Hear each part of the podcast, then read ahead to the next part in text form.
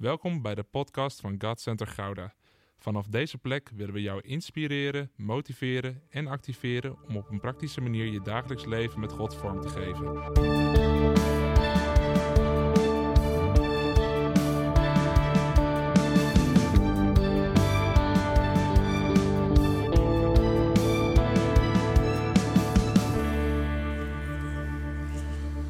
Zijn we nog net zo enthousiast als vorige week over God? Ja, toch? Yes, goed zo. Ja, hij is vandaag precies dezelfde als uh, op paasochtend. En dat is goed nieuws.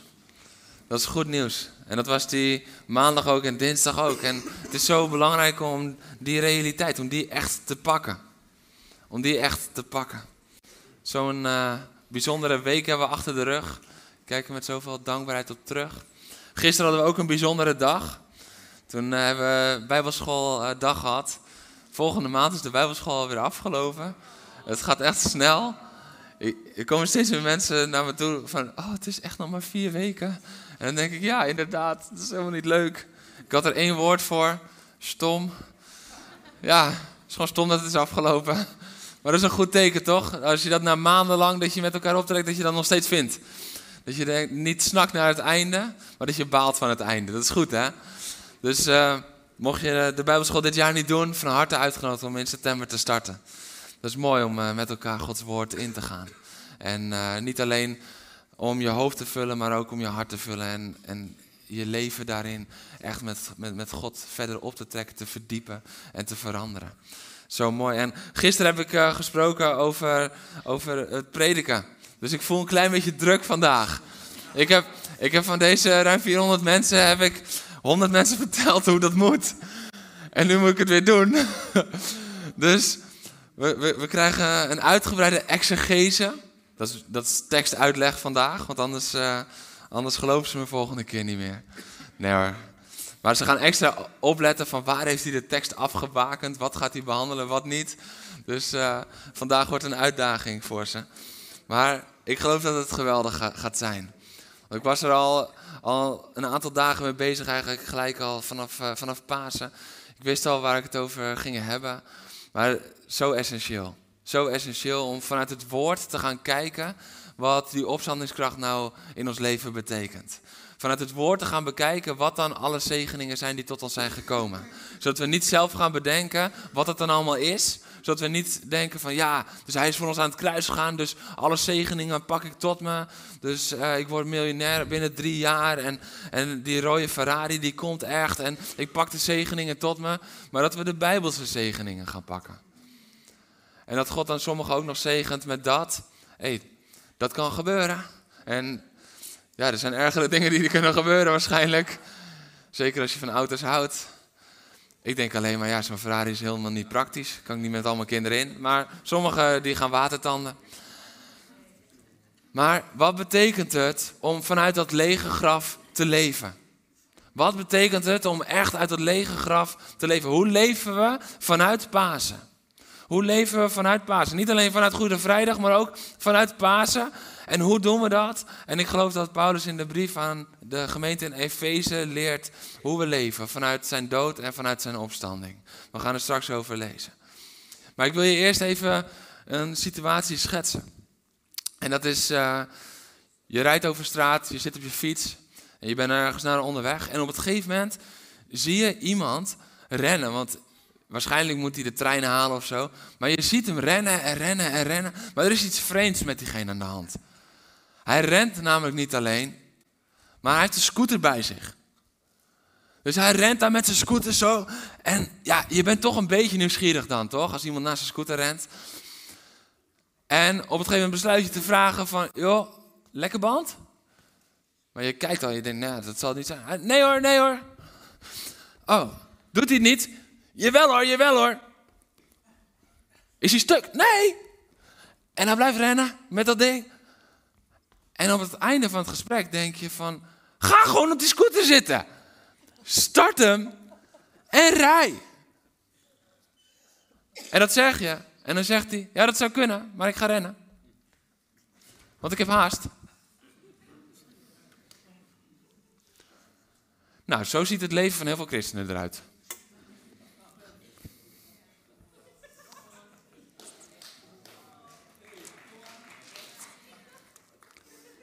We hebben de kracht van God ontvangen. We hebben alle zegeningen ontvangen. Maar we besluiten het op eigen kracht te doen. En we houden het bij ons, want we geloven wel dat we het hebben ontvangen, maar we leven er niet uit. En weet je wat het dan doet? Dan levert het nog lastigheid en, en, en weerstand op ook. Want je rent sneller zonder scooter als met scooter. Maar wat gebeurt er als je beseft, ik heb die kracht wel ontvangen, maar je leeft er niet uit? Dan komt er namelijk ook nog frustratie bij. Dus we doen het allemaal zelf en we gaan toch weer uit eigen kracht en toch weer uit eigen kracht. Terwijl we eigenlijk die kracht van God gewoon met ons meeslepen. En dat het weerstand geeft, want het geeft frustratie. Waarom zie ik u nou niks doen? Jij, je zit niet op de scooter.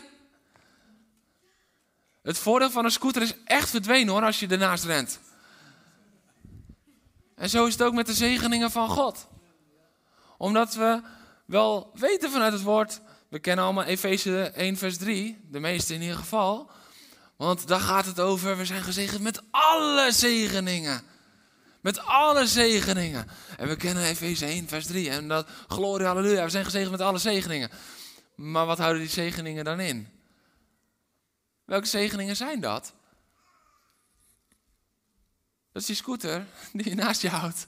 En ondertussen zeg je, oh, ik heb de kracht van God ontvangen. En je denkt dat die in je benen zit.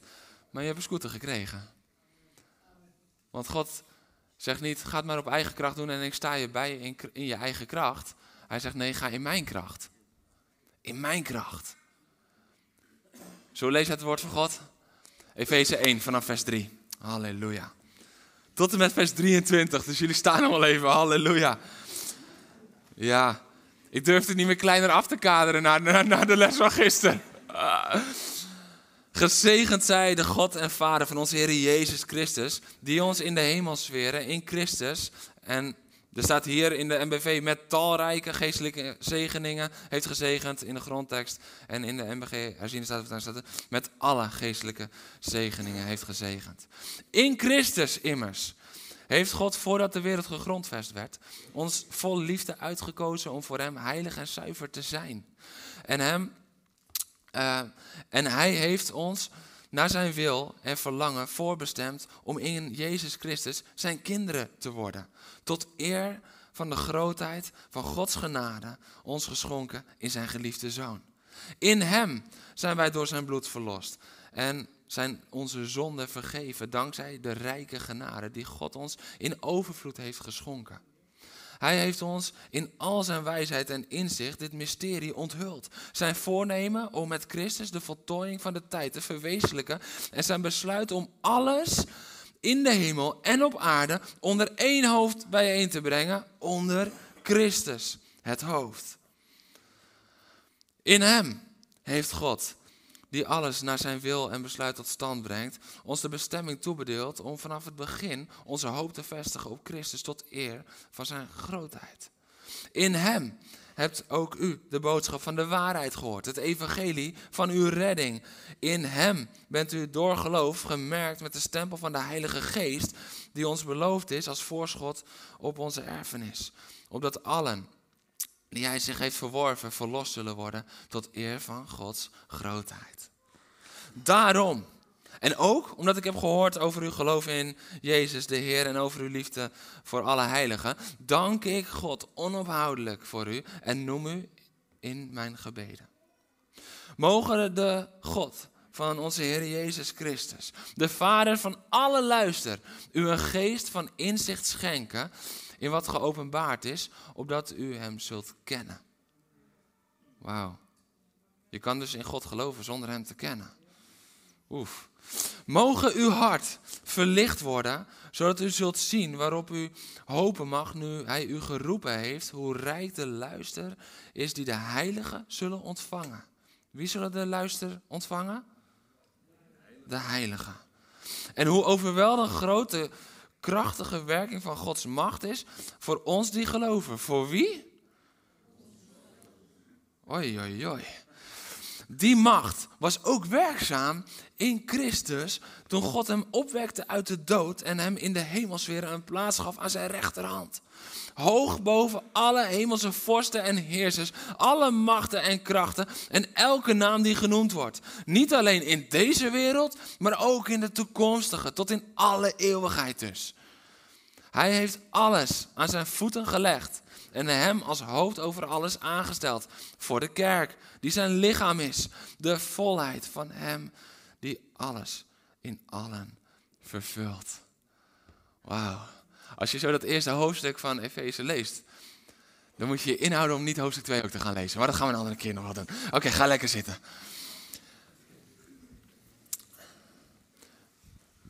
Door zijn dood en opstanding zijn wij gezegend met alle geestelijke zegeningen in de hemelsfeer.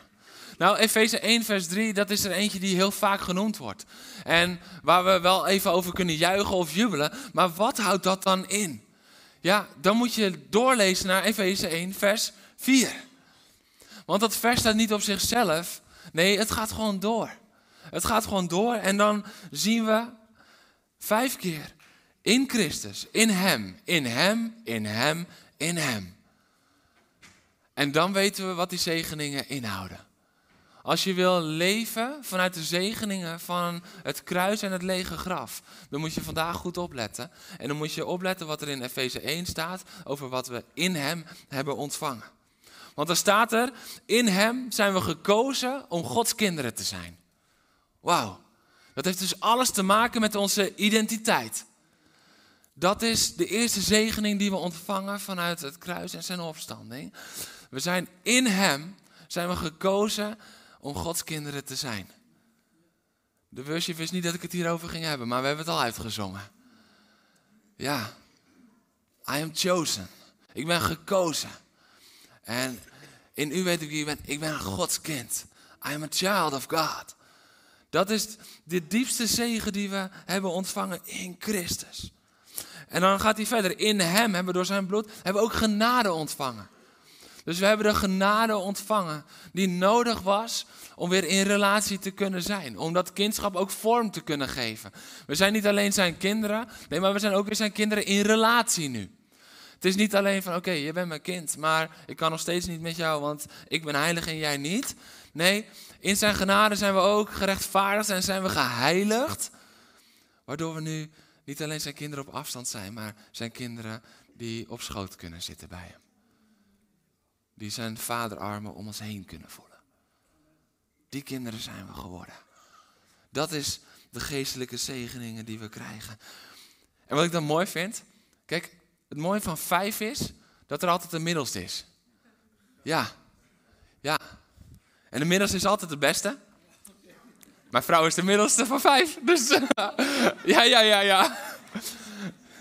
Ja, ja, u voelde hem al aankomen. Schoonvader zit hier. Dus, ja, ja. Maar de middelste is altijd de beste. No offense naar de anderen die niet de middelste zijn.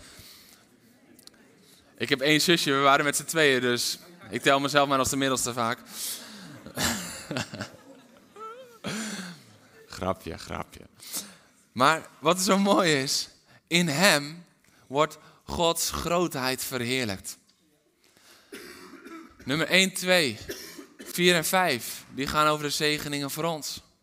Maar in het middelpunt, in het centrum, in het centrum van dit betoog van Paulus, stelt hij maar, oh man, het gaat allereerst om Gods grootheid.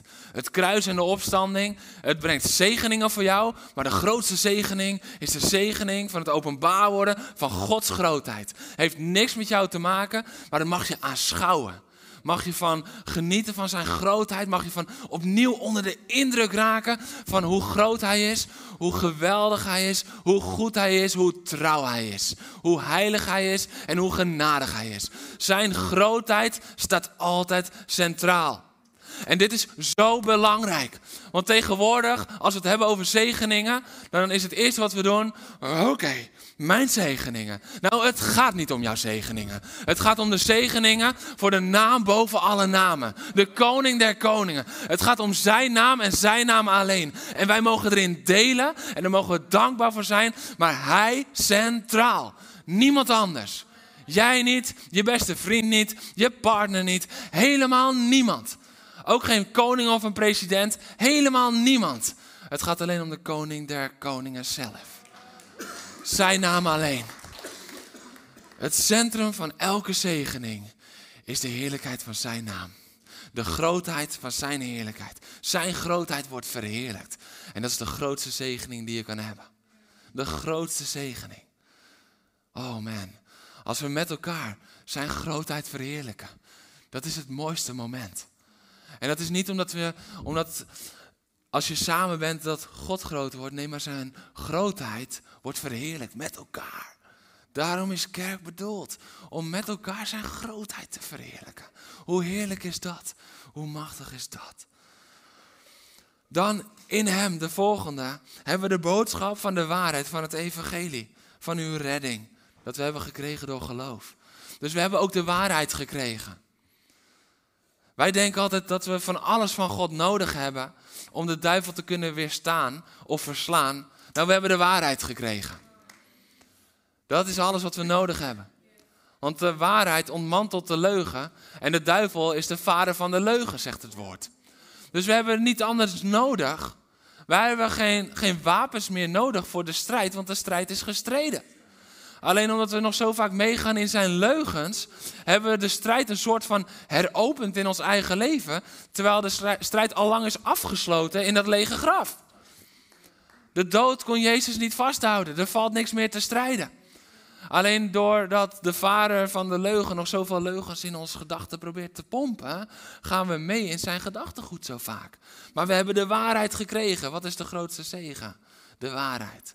Waar de waarheid openbaar wordt, komt vrijheid. Misschien denk je van, ja, maar er is ook nog de realiteit van de demonen en bevrijding. Dus die strijd die moeten nog steeds strijden. De waarheid maakt vrij. Vrij van elke gebondenheid. De waarheid is een persoon. Ik ben de weg, de waarheid en het leven, zegt Jezus. Dus één ding is gewoon heel duidelijk. Dat als we gaan wandelen in de waarheid, dan zal elke gebondenheid zal wijken. Elke gebondenheid. Zowel op zielsvlak als op geestvlak. Dat is, dat is niet alleen van, oké, hey, in de waarheid dan kan je alleen innerlijk herstel. Nee, dat is ook geestelijk. Elke demon moet wijken voor de waarheid, want de demon is gefundeerd op de vader van de leugen. En die kan niet stand houden als de waarheid aankomt. Daarom op het moment dat we de naam van Jezus spreken tegen demonische machten, dan moeten ze wel wijken. Want de leugen kan niet stand houden tegen de weg, de waarheid en het leven. En in hem staat er dan, zijn we ook nog gemerkt met de Heilige Geest. We hebben de Heilige Geest ontvangen. Dus we hoeven dat allemaal niet zelf, nee, we mogen het in relatie en in leven met de Heilige Geest mogen we dat, mogen we dat vormgeven in ons leven. En weet je, we hebben het vandaag over Live Like Jesus. En van tevoren dacht ik, dit zal wel de laatste worden, maar ik weet het nog niet. Ik, ik, ik weet het nog niet. Maar ik weet niet eens of ik deze preek wel afkrijg vandaag. Dus, dus waarschijnlijk gaan we gewoon door. Um, maar weet je wat de geest openbaarde? Live like Jesus. Nu denk je misschien van ja, oké, uh, maar we kijken nu helemaal niet naar het leven van Jezus. Jawel, dat doen we wel. Want Efeze 1 loopt gewoon één op één met wat Jezus in Lucas 4 over zichzelf zegt. Moet je opletten. Dit is misschien even een klein stukje studie, maar zo krachtig, omdat het de waarheid vrijzet in ons leven. We zijn gekozen om zijn kinderen te zijn. Dat is wat we net als eerste hebben gezegd. Hij is gekomen om gevangenen vrijlating bekend te maken.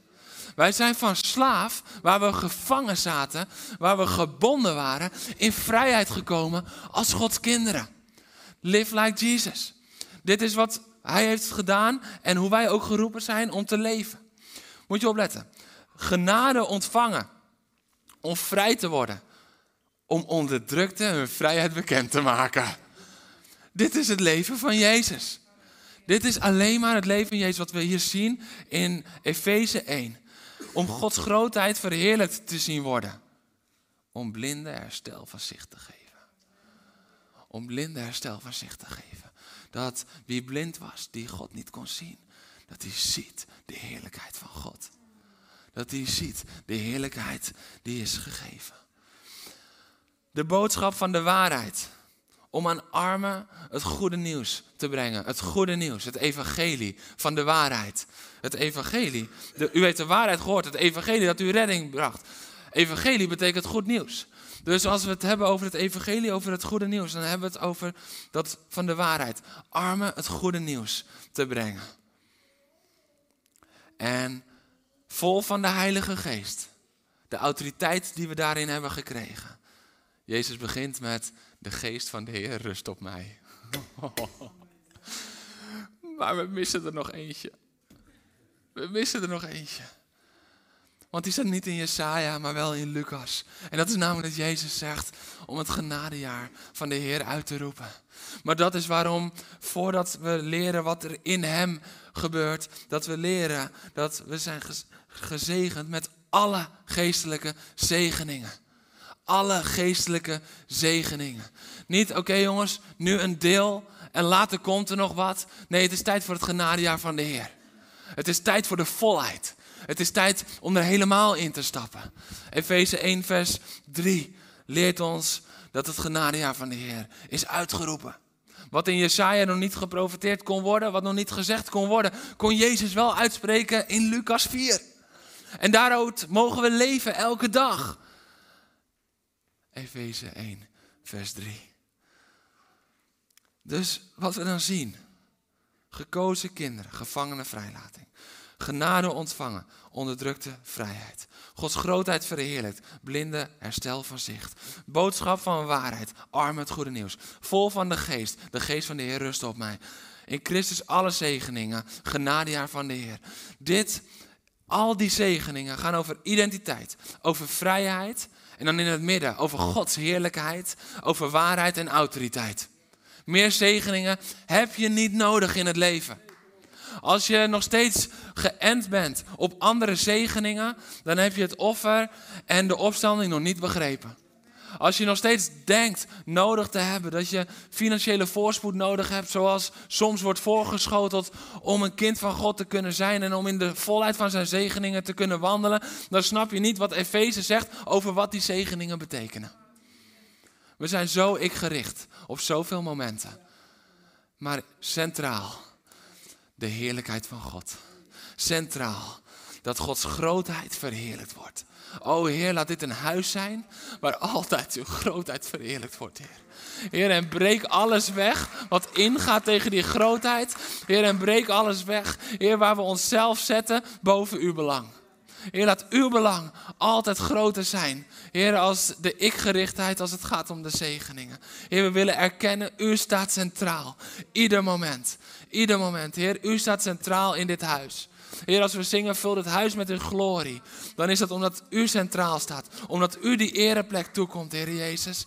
We erkennen u, Heer, als hoofd van het lichaam. Halleluja. Dank u, Heer. Dank u, Heer.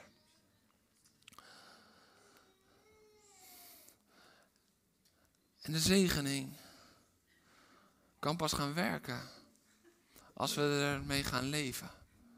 Het is al gegeven. Iedere christen loopt met een scooter.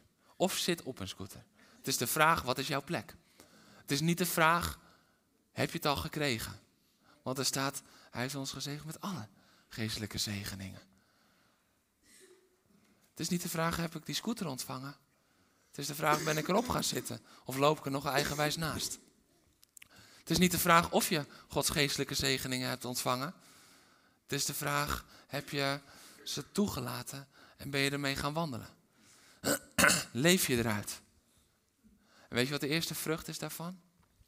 De eerste vrucht is dat wat centraal staat uit jouw leven komt. Als je denkt, hey, zou, zou iemand, en je hebt misschien twijfel, ga niet oordelen, maar je wilt toetsen of iemand dat echt heeft gepakt, omdat je denkt, anders ga ik diegene daarbij helpen. Toets gewoon, wordt de grootheid van God verheerlijkt in iemands leven. Dat is de eerste toets. Dat is de belangrijkste toets. Al die andere dingen die komen daar wel uit voort, maar het gaat om de grootheid van de Heer. Halleluja. We kunnen alleen als Hem leven, als we in Hem leven. In Hem. In Hem. We staan niet met Hem, hè?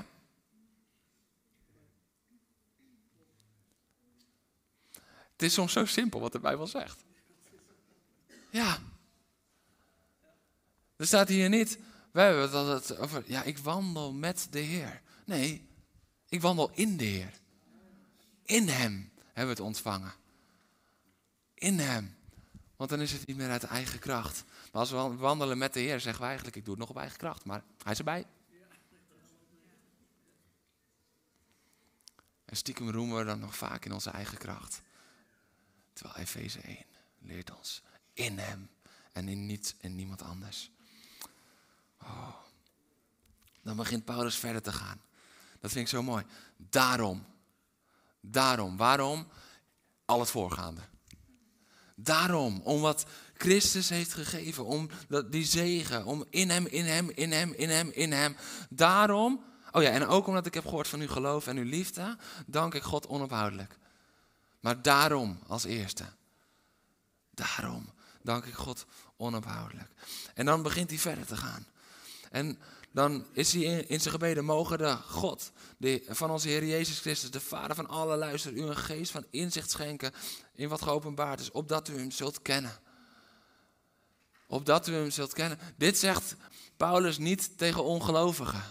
Dit zegt hij tegen de mensen die al geloven in God, die al geloven in Christus, opdat u hem zult kennen. Als je vandaag denkt dat je God al helemaal kent, bekeer je van die gedachten en word weer helemaal humble en nederig en verlang naar een dieper inzicht in wie hij is. Daarmee zeg ik niet dat je hem nog niet kent, maar je kent hem nog niet.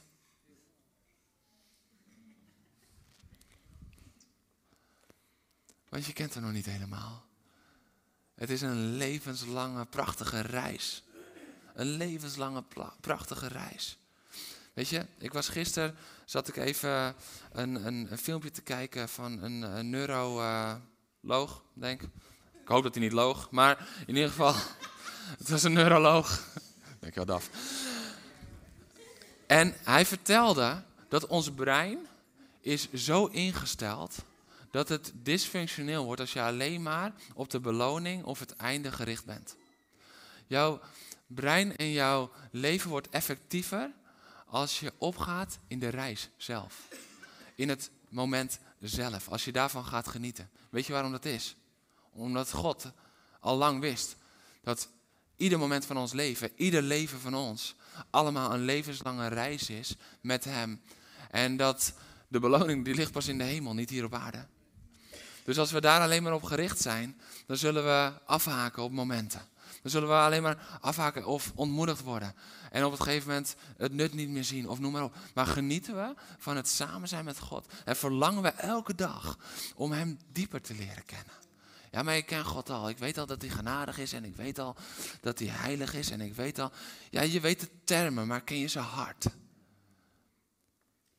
De zegeningen zijn er zo op gericht dat we de waarheid leren kennen. De Heilige Geest daarmee gaan wandelen. En zodat we hem dieper leren kennen. En dan staat er, mogen uw hart verlicht worden, zodat u zult zien. En dan gaat het verder over hoe rijk de luister is die de heiligen zullen ontvangen. Hier staat het, het woordje doxa. Het Griekse woordje doxa. En weet je wat dat, waar dat nog meer gebruikt wordt? In Lucas 2, vers 9.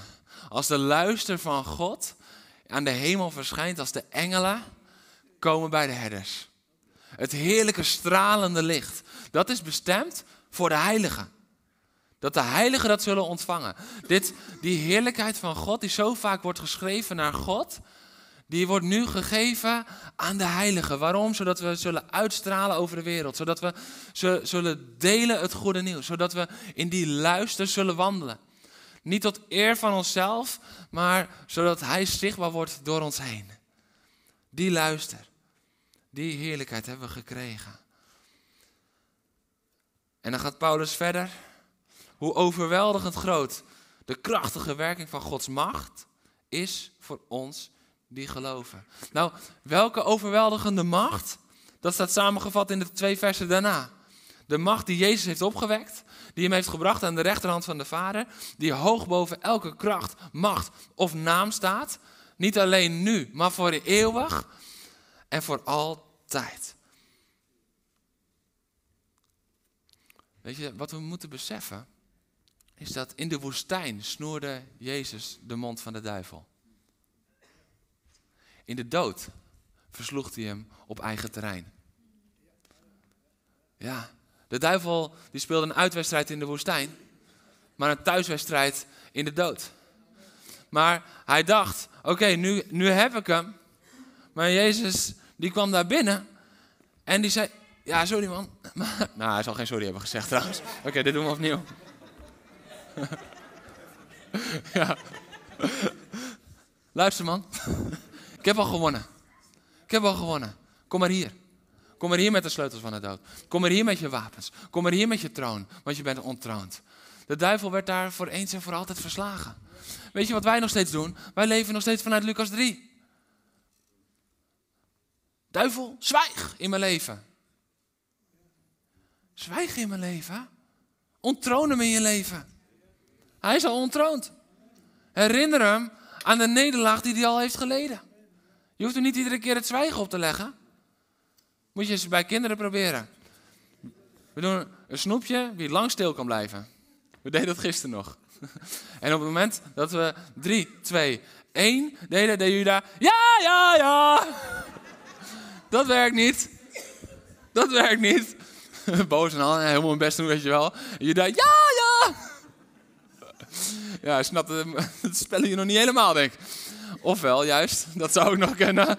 Ik verdenk hem daarvan. Maar in ieder geval, de duivel, als je hem het zwijgen hebt opgelegd, is het echt niet dat hij tot je negentigste blijft zwijgen hoor. Hij gaat iedere keer weer proberen en proberen. En jij blijft zeggen, zwijg, zwijg, zwijg.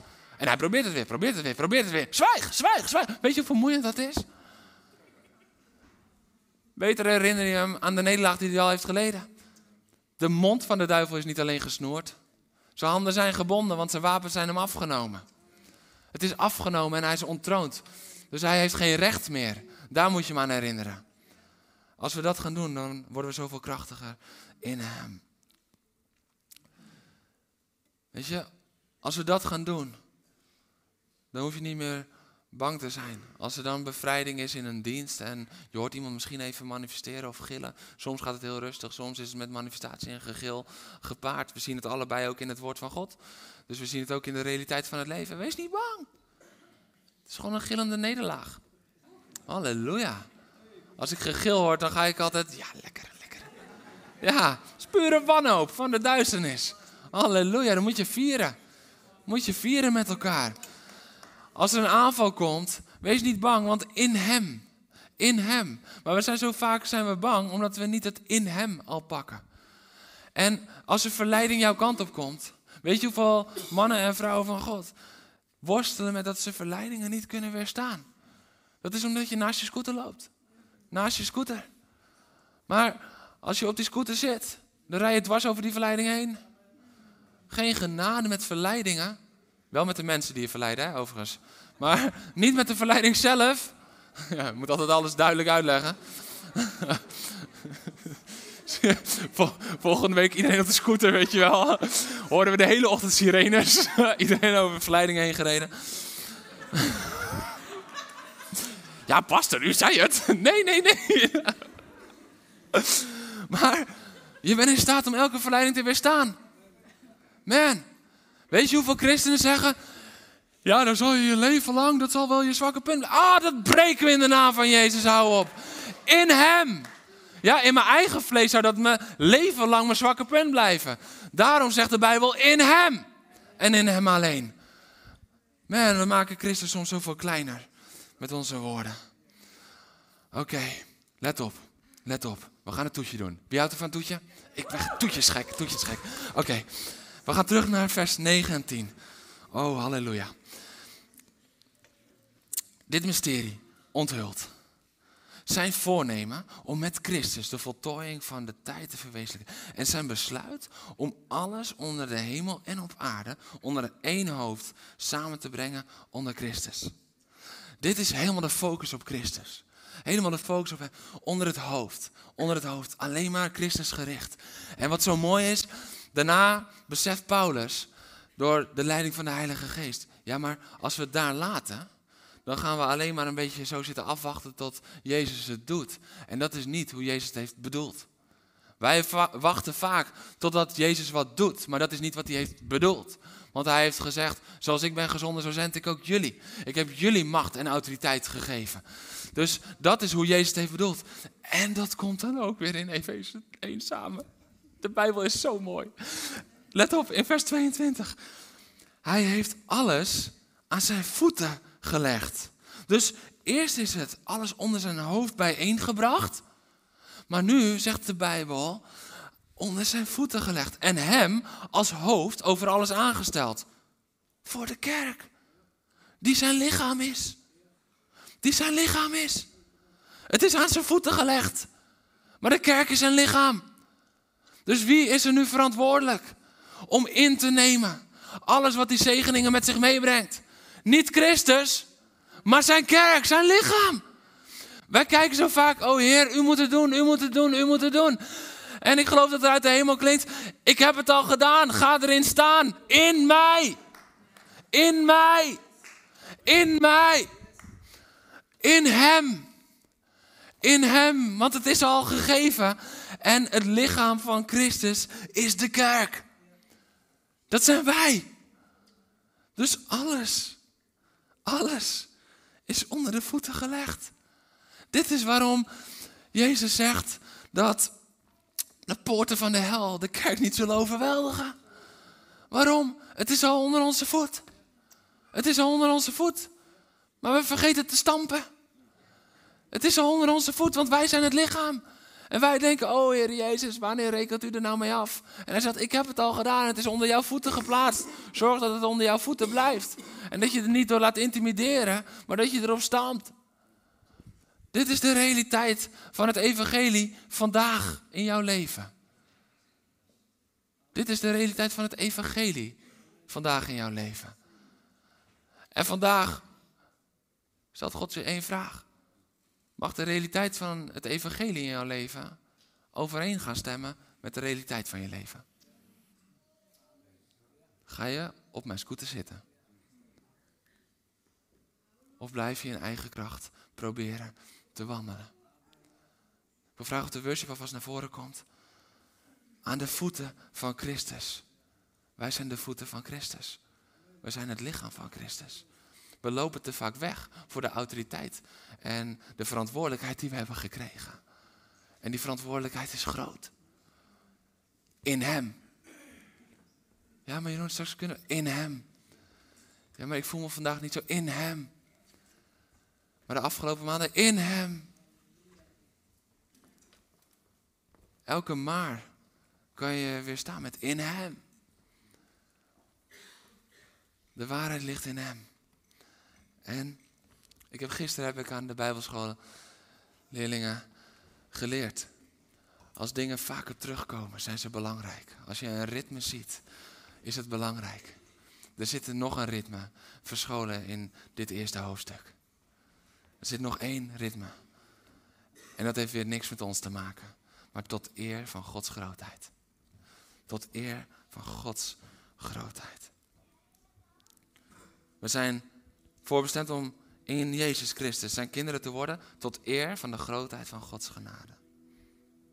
En in Hem heeft God alles naar zijn wil en besluit tot stand gebracht.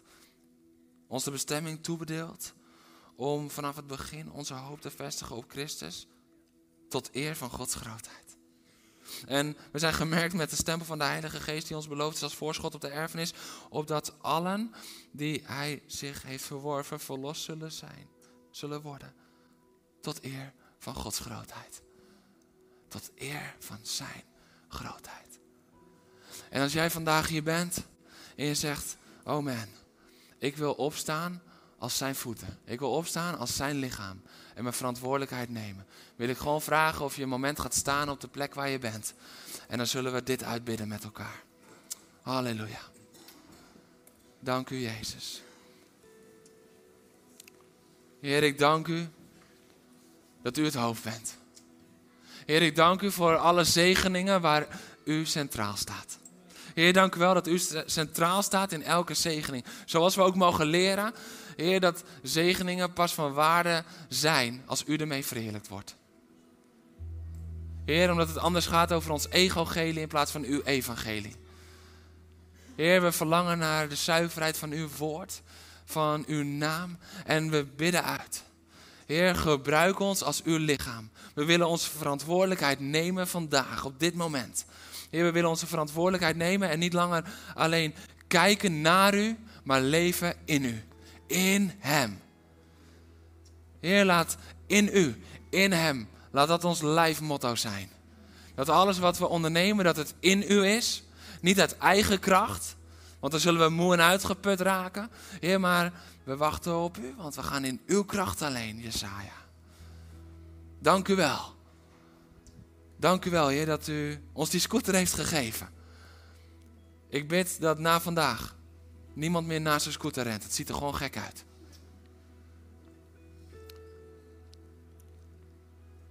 Heer, zodat we ook uw waarheid en uw licht en uw grootheid nog beter naar buiten kunnen verkondigen. Want als we naast een scooter rennen, dan neemt niemand ons serieus. Heer, ik bid dat we in u zullen leven. Zodat een ieder de vrucht daarvan zal zien. Heer, de schepping die kijkt rijkenhalsend uit naar het openbaar worden van de kinderen van God. Hoe wordt het openbaar als we in u gaan leven? In u, in hem, in hem, in hem, in hem, in hem. We zijn hier bereid om uw lichaam te zijn in de naam van Jezus. Amen. Laten we hem aanbidden om zijn grootheid.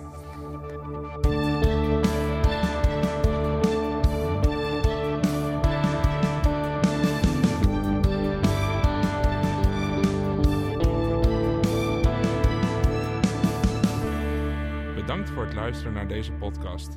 Volg ons op onze kanalen om verbonden te blijven. Heeft deze aflevering jou geraakt? Deel dan op je socials en tag ons, zodat we samen meer mensen kunnen bereiken.